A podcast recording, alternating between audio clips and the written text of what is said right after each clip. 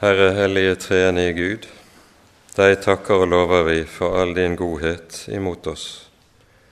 Nå ber vi at du ved din Hellige Ånd vil være hos oss, gi stillhet for ditt ansikt og lys i ditt ord. Amen.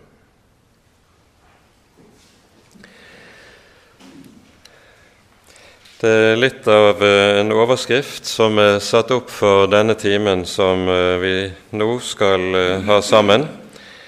Sola scriptura, sola gratia, sola fide, luthersk, romersk-katolsk og reformert. Her er det rom for å si ganske mye, og det er rom for å forvirre en stakkars taler.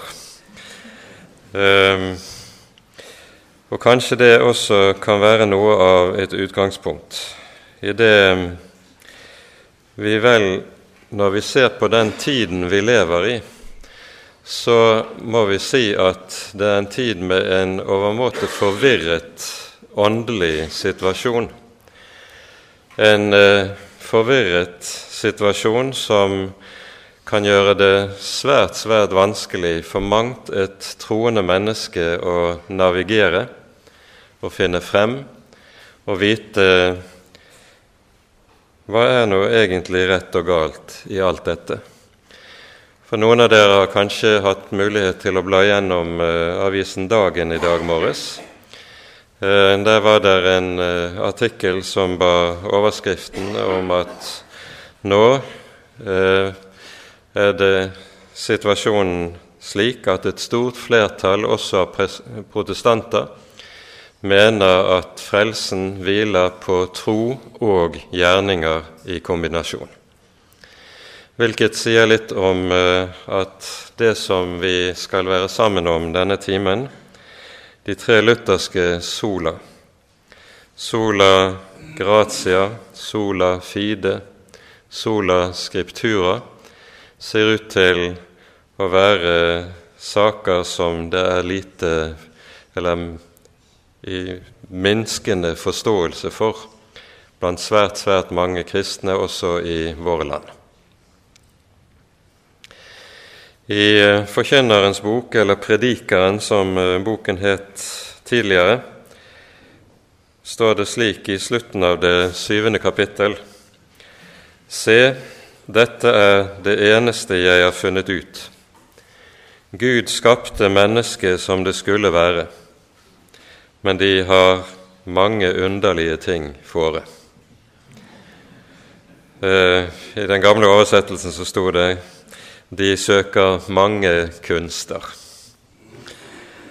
Og eh, det kan vel sies å være noe av en overskrift for det som også er den åndelige forvirring.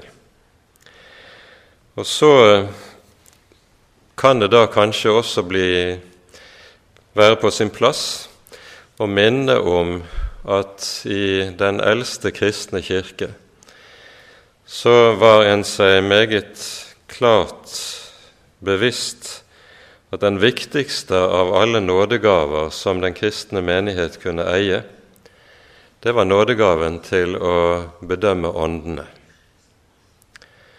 Nettopp den nådegaven ser ut til i stor grad å være mangelvare i dag mangelvare fordi eh, også kristenheten i stor grad ser ut til å være grepet av pluralismens mangfoldighet, pluralismens subjektivitet, som sier 'for meg er det slik og slik', men eh, for deg er det kanskje annerledes, og hvem vet i grunnen hva som kan være rett? Og så vokser forvirringen i tråd med dette, og så forvirrer man eh, Forvirret blander man sammen toleransen i det moderne eller postmoderne samfunn med kristen kjærlighet, for vi skal jo ikke dømme. Nei, dømme skal vi ikke, men bedømme, det er vi pliktig til bedømme er vi nødt til om vi også skal bli bevart i den sannhet som bærer utover død og grav. For vi ble ganske riktig minnet om i går ved innledningen til Nestingen sitt foredrag at reformasjonsverket vokser frem av et dypt, dypt personlig anliggende. Hva skal jeg svare min Gud den dagen jeg skal dø? Da er det ikke likegyldig hvilke svar du kan gi et menneske i den situasjonen. Felles for meget, svært, svært meget av det vi møter av åndelige bevegelser innenfor også kristenheten i dag, er det du kan kalle anstøtet mot evangeliet. Anstøtet mot ordet om korset. Dette er et anstøt som ligger dypt nedlagt i gamle Adam, og som henger sammen med gamle Adams behov for selvforsvar. Evangeliet har det med seg at det tar livet av det gamle mennesket. Evangeliet lar det gamle mennesket ikke overleve. Og det er utålelig. Og Derfor forsvarer gamle Adam seg også med alle mulige midler og med alle mulige påskudd mot evangeliet. Og disse ulike formene for selvforsvar det samler Den hellige Skrift under betegnelsen anstøt. Anstøt mot evangeliet. Paulus setter ord på dette i det første kapittelet i første Korinterbrev, der han eh, taler om dette, at ordet om korset er en støtesten for dem som går fortapt, men for oss som blir frelst, er det en Guds kraft. Grekere mener om dette evangelium at det er den aller største dårskap, som man bare rister på hodet av og kan gjøre seg morsom på bekostning av. Men for oss som blir frelst, er det en Guds kraft. Evangeliet har det med seg at mitt gamle jeg føres inn i døden.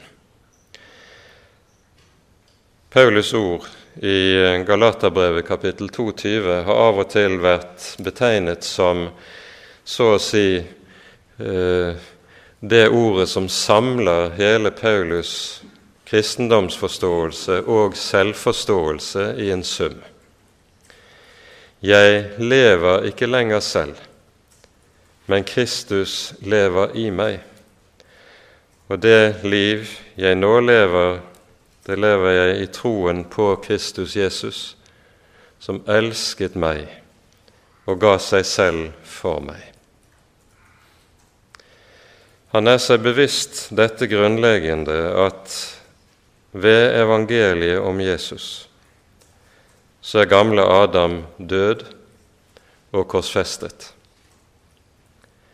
For budskapet i evangeliet budskapet som møter oss nettopp i disse tre sola, som rommer i seg eh, slagordene for reformasjonen.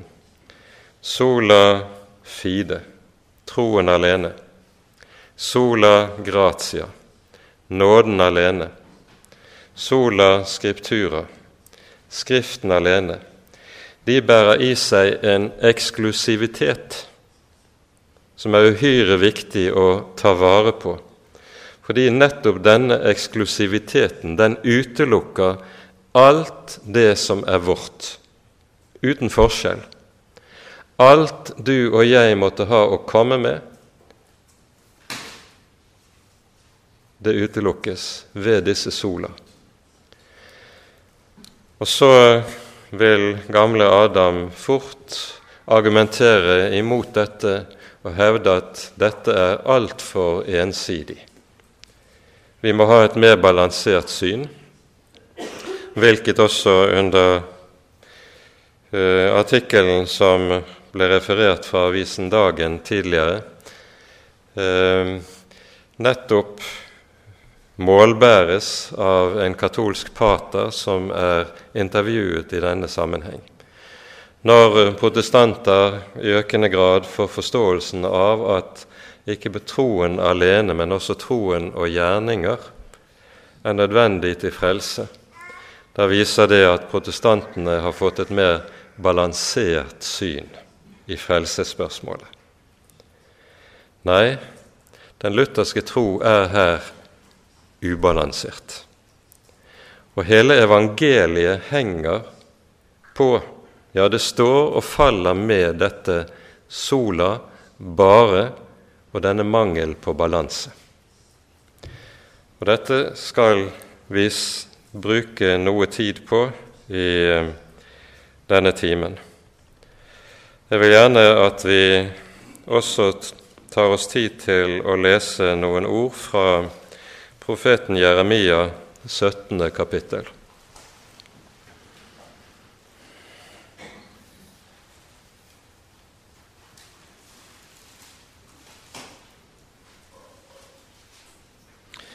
Her står det slik fra vers 5. Forbannet er den mann som setter sin lit til mennesker og holder kjød for sin arm som vender sitt hjerte fra Herren. Han er lik en busk i ødemarken og får ikke se at det kommer noe godt. Han skal bo på avsvidde steder i ørkenen, i et saltland der ingen bor. Velsignet er den mann som stoler på Herren og lar Herren være sin tillit. Han skal være lik et tre plantet ved vann, som skyter røttene ut ved en bekk. Det frykter ikke når heten kommer, alltid har det grønne blad. Det sørger ikke i tørre år og holder ikke opp å bære frukt. Her settes det opp det store enten-eller. Det er skarpt, og det er absolutt. Og nettopp det som hører meg til, mennesket til, det lukkes ute. Sola fide, troen alene, det utelukker mine gjerninger. Og det utelukker alle mine gjerninger, hvorledes de enn måtte se ut. Ikke minst, det utelukker all min fromhet. Gud vil ikke ha min fromhet. Sola gratia, nåden alene, utelukker all min fortjeneste. Her er det ikke lenger tale om at jeg kan forholde meg til den levende Gud som min skyldner. Overfor den levende Gud er jeg skyldneren og blir aldri noe annet. Sola gratia utelukker all min fortjeneste. Sola scriptura utelukker alle andre autoriteter enn den levende Guds ord og tale i Den hellige Skrift. Det ytre Guds ord er det den hellige Gud har gjort oss avhengige av til vår frelse. Det gis intet annet ord, ingen annen autoritet, som kan gi og rekke oss frelsen. Skriften alene. Og så er vårt med disse tre sola utelukket. Og denne absolutte utelukkelse av vårt, det henger i Skriften sammen med to andre grunnleggende sannheter. For det første den bibelske antropologi, læren om hvem det falne mennesket er. I det det er slik at hele den nådeforkynnelse som vi møter hos apostelen Paulus, den har sitt bakteppe i, når du leser romerbrevet, den tale Paulus der gir oss om syndens herredømme i menneskets liv. Synden omfatter alle sider ved menneskets personlighet. Det gjelder ikke bare følelseslivet, slik at synden er noe som sitter i mine følelser, så jeg følelsesmessig begjærer det som er i strid med Guds vilje. Synden sitter like mye i alle andre deler av personlivet. Den sitter i min vilje. Den sitter ikke minst i min forstand. Slik at jeg ved hjelp av min forstand aldri kan trenge frem til å nå til den levende Gud. Men nettopp på disse tre områdene av vårt personlighetsliv er det vi søker å etablere det vi kaller for egenrettferdighet. På følelseslivets område etablerer vi egenrettferdigheten gjennom det vi kaller åndelige opplevelser. Fordi jeg har de rette åndelige opplevelser, kan jeg vite med meg selv at jeg har det rett med Gud fordi jeg kan vitne om de store følelsesmessige erfaringer på kristenlivets område. Derfor kan jeg dokumentere at jeg hadde i hvert fall rett med Gud. Eller når det gjelder viljelivets område, så kan jeg kanskje vise til at jeg har tatt de rette beslutninger. Jeg har overgitt meg 100 jeg var på sommerleir det året, og da overga jeg meg til Gud. Og derfor må jeg være en rett kristen.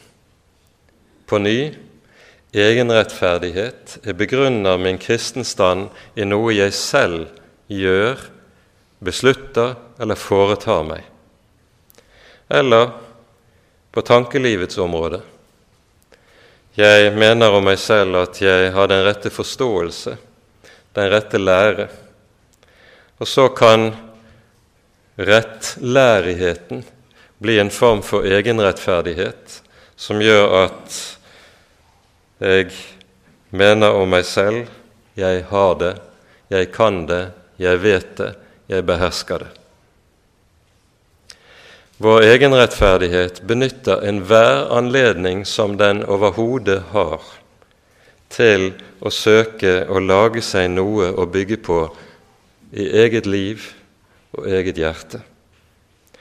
Og Derfor er det også slik at det som er den største hindring for den levende Gud å nå inn til oss mennesker på, det er ikke vår, våre åpenbare synder, men det er vår selvrettferdighet. Det er og blir alltid egenrettferdigheten som er det store stengsel mot den levende Gud.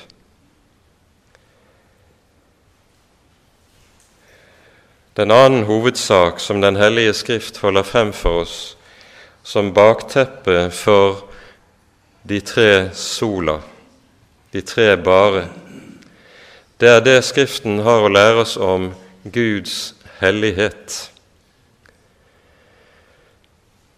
Det at Gud er den hellige Gud, det er en sannhet som i uhyre stor utstrekning er glemt innenfor dagens kristenliv.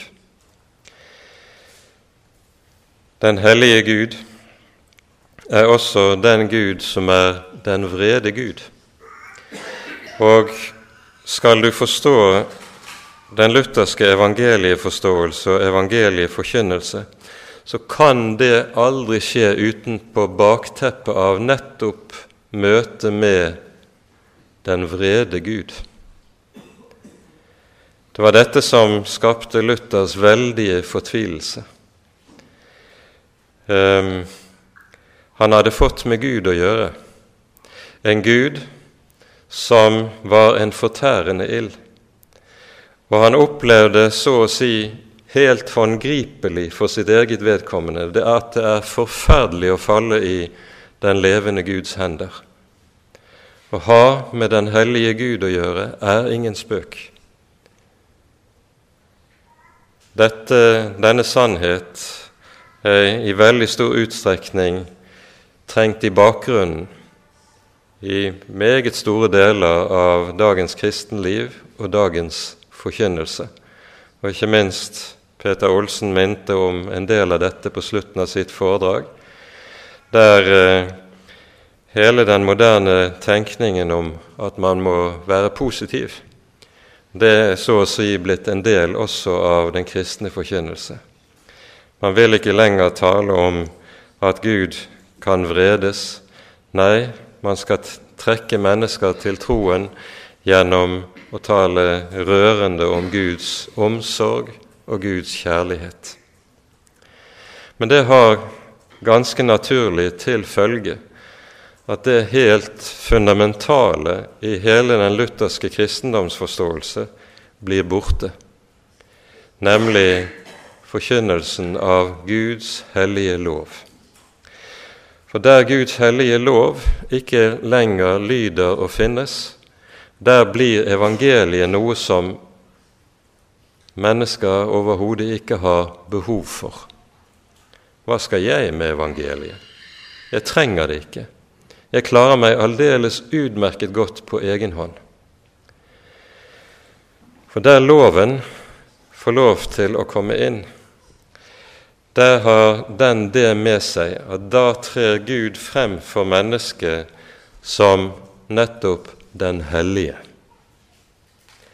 For det vi skal være klar over, det er at disse to ord i Den hellige skrift, lov og evangelium, det er ikke bare to ulike typer budskap som skal hjelpe oss til pedagogisk og lettere få grep om hva sannheten i Guds ord dreier seg om.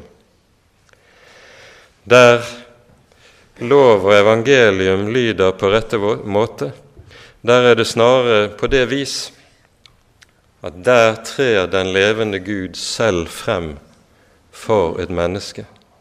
På en slik måte at du får med Gud å gjøre. I loven får du med den vrede Gud å gjøre. Og det er aldri spøk. Det er forferdelig å falle i den levende Guds hånd. Og i evangeliet, der får du med nådens Gud å gjøre. Han som rekker frelse til det som er fortapt, ikke til noe annet. Han som skaper liv av døde, ikke av halvdøde. Evangeliet er også noe som stiller det inn for Guds ansikt, men da nådens og frelsens kilde. Og Dette er det som også skal være forkynnelsens mål, det å hjelpe mennesket nettopp til å forstå du har med Gud å gjøre. Den Gud som Den hellige Skrift maler for oss som den hellige og den ubegripelige nådefulle. Av denne grunn, fordi Gud i sin hellighet utelukker alt vi har å fare med. Han tåler ikke vår synd.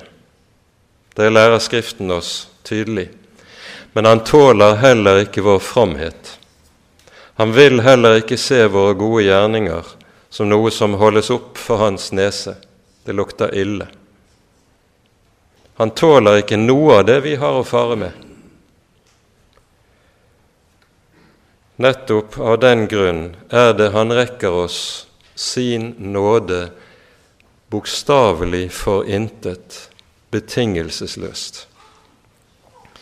Her står vi overfor det forunderlige at både loven og evangeliet kommer til oss med løfter. I sin hellige lov sier Herren Gud, du skal få evig liv. Du skal få eie min velsignelse. Du skal få eie nåde og barnekår hos meg på et bestemt vilkår. Du skal gjøre det som står skrevet. Den som gjør det, skal leve. Det er loven. Og Loven kommer altså med et løfte til oss som er et betinget løfte. Gjør det, så skal du leve. Evangeliet lover nøyaktig det samme som Guds hellige lov kommer med. Men dette løftet som gis oss i evangeliet, det er et løfte som er betingelsesløst. Det er ikke betinget av at jeg gjør det ene eller det annet forsøker å være det ene eller det annet. Evangeliet er et ord som i stedet peker en annen vei. Det peker på den Herre Kristus og sier denne mann, Herren Jesus Kristus, han har oppfylt alle betingelser for at du skal få være Guds barn. Loven og evangeliet har så å si hver sin retning i måten det peker på. Loven peker på deg og på meg og sier 'du skal'. Du skal ikke. Evangeliet peker ikke på meg for å fortelle meg hva jeg skal gjøre, og hva jeg skal være. Evangeliet peker i stedet på en annen mann og sier, Se der Guds lam, som bærer verdens synd. Han har oppfylt alle betingelser for at du skal få være Guds barn. Å være en kristen, det er at jeg vet at jeg skal få leve på noe en annen har gjort, ikke på hva jeg selv kan gjøre, hva jeg selv kan være, hva jeg selv kan få til, hva jeg selv måtte ha av opplevelser. Jeg lever på noe en annen har gjort. Og Gud i sin hellighet brenner av nidkjærhet for at Guds sønn alene skal være grunnvollen for mitt liv. Han tåler ikke at jeg kommer inn for hans ansikt med noen av mine egne fromme gjerninger. Kall det hva det måtte være. Han sier Forbannet er den mann som setter sin lit til mennesker, som holder kjød for sin arm. Der jeg våger meg til å komme med mitt eget, der råder forbannelse. Dette innebærer at når evangeliet lyder, så lyder det så uendelig fritt. Det er betingelsesløst. Og så er det alle selvrettferdige og alle egenrettferdige fariseere kommer løpende med en gang og sier dette er en fare for den gode moral. Dette er altfor fritt. Slikt kan vi ikke høre. Du åpner alle sluser for synd og lovløshet ved å forkynne et slikt evangelium. Paulus tar dette opp i Romerbrevet og vi leser fra Romane 5 og 6 følgende. Loven kom til for at fallet skulle bli stort. Men der nåden, der synden ble stor, ble nåden enda større. Og like som synden hersket ved døden, så skal også nåden herske ved rettferdighet til evig liv ved Jesus Kristus, vår Herre. Hva skal vi da si? Skal vi bli ved i synden for at nåden kan bli desto større? Langt derifra. Vi som er døde fra synden, hvordan skulle vi enda kunne leve i den? Evangeliet er ikke bare et ord som sletter ut synd, og som gir meg Guds hele nådes fylde og rikdom for intet, uten at jeg skal oppfylle det aller ringeste vilkår. Men evangeliet har samtidig det med seg at det betyr enden på gamle Adam. Gamle Adam fortsetter Paulus med å undervise om i dette kapittel 6 i Romerbrevet. Han ble korsfestet med Kristus, han. Evangeliet betyr ikke at gamle Adam slippes løs, men at han dør. Han er ferdig. Han har intet mer han skal ha sagt. Han ligger begravet med den Herre Jesus. Derfor betyr evangeliet det å bli kjøpt fri fra det jeg er i meg selv. Synden er, slik Luther taler om det, det å være innkrøkt i seg selv. Jeg er sykelig opptatt av meg selv, av mitt eget. Ego er det sentrale i livet. Og samtidig som selvopptattheten, egoets innkrøkthet i seg selv, er det som jeg gjerne vil få ha i fred, så blir det også slik at der evangeliet får lov til å lyse, der blir det en uendelig befrielse å vite jeg er fri fra meg selv. Jeg er fri fra det jeg er i meg selv, for jeg er korsfestet med Kristus. Jeg lever ikke lenger selv. Og fordi jeg er korsfestet med Kristus, så tror jeg og vet jeg også at jeg skal få leve i kraft av Kristi oppstandelsesliv. Det liv jeg nå lever i kjødet, lever jeg i troen på Ham, Kristus, som elsket meg og ga seg selv for meg. Denne gamle Adams reaksjon mot det frie evangelium Dypest sett er det denne vi møter i disse teologier som vi eh,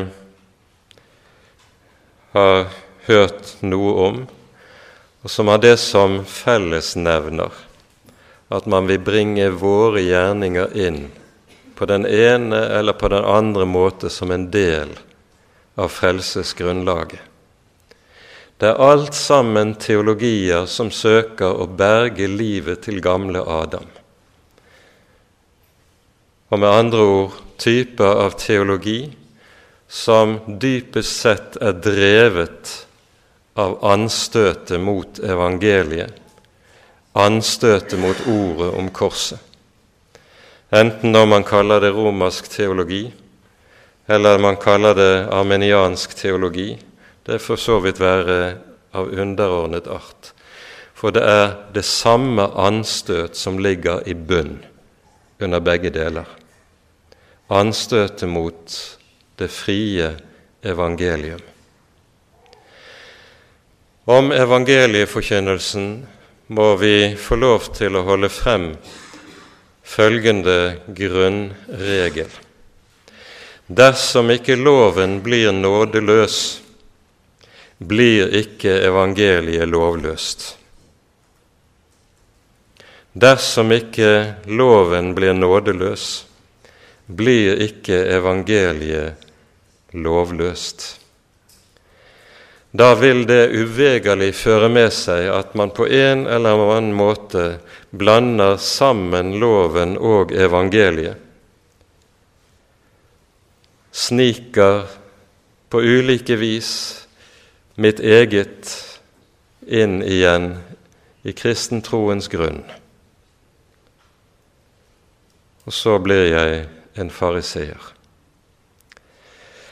Denne, dette skillet mellom lov og evangelium som vi her holder frem, det er tolkningsnøkkelen som ligger i bunn under forståelsen av de tre sola.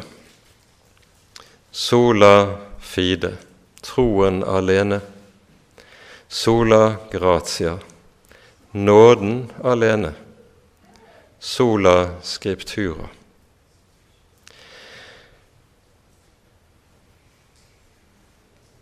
Det som skjer i møte med dette, det er at jeg føres tilbake til det den levende Gud har skapt meg til å være. Jeg er ikke lenger det myndige mennesket som så å si har kontroll på alt og kan være Guds dommer, Guds anklager slik som vi hører det moderne mennesket gjerne liker å opptre. Det moderne mennesket opptrer nettopp slik. I selvbevisst hovmot er det Guds dommer. Nå er det jeg som er under dommen. Loven har dratt meg inn dit. Nå er det jeg som er korsfestet med Kristus. Evangeliet har ført meg dit. Og hva er jeg så blitt? Jeg er blitt et lite barn som er avhengig av at den levende Gud er far. Jeg er blitt en synder som er avhengig av at det er sant at Jesus er synderes venn. Jeg hører med til denne flokken om hvilken Jesus sier dette er den sanne kristne kirke. Mine får hører min røst. Fordi jeg vet at min frelse hviler ikke på hva jeg kan gjøre, men min frelse hviler på det jeg får høre. Slik er det at evangeliet gjør meg avhengig av sannheten i det, at det er Skriften alene. Skriften rett forstått, Skriften forstått med det lys som loven og evangeliet gir. Det er det som gir meg livet, som holder meg oppe, som fornyer meg i troen, og som den dagen jeg skal dø, bærer meg igjennom. Fordi der ligger det evangelium gjemt som peker på Kristus og Han korsfestet, og lærer meg dette er nok. Dette er tilstrekkelig. Du trenger intet mer. Det er ikke min helliggjørelse som gjør at jeg skal bli stående i dommen. Det er ikke min lydighet som gjør at jeg skal bli stående i dommen. Det er ikke min tjeneste i Guds rike som skal tjene til noe av dette men ene og alene at det var en som var villig til å gå på korset i mitt sted. Det er nok. Det som kjennetegner loven og loviskheten, det er at den alltid sier 'det er ikke nok'. Du har ikke gjort nok. Du har ikke bedt nok. Du har ikke lest nok i Bibelen. Du har ikke engasjert deg nok i tjenesten. Du har ikke gitt nok i din givertjeneste. Det er alltid dette du har ikke gjort nok, for loven sier alltid det. Det er ingen ende på lovens krav. Det er evangeliet alene som kan si nok. Det som Guds sønn er og ga på korset, det er evig nok. Det er nok for samvittigheten til å eie frimodighet. Det er nok for hjertet til å glede seg.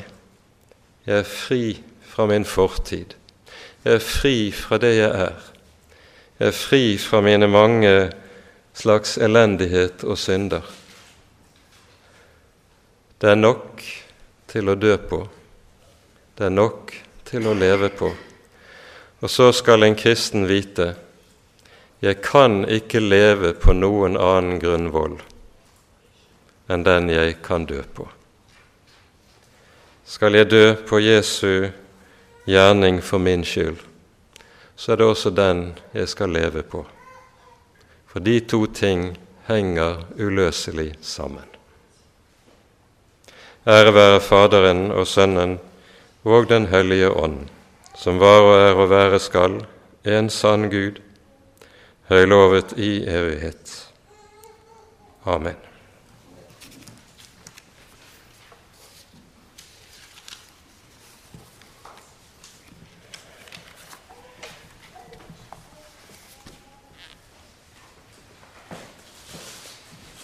Kan du eh, spille nummer ti?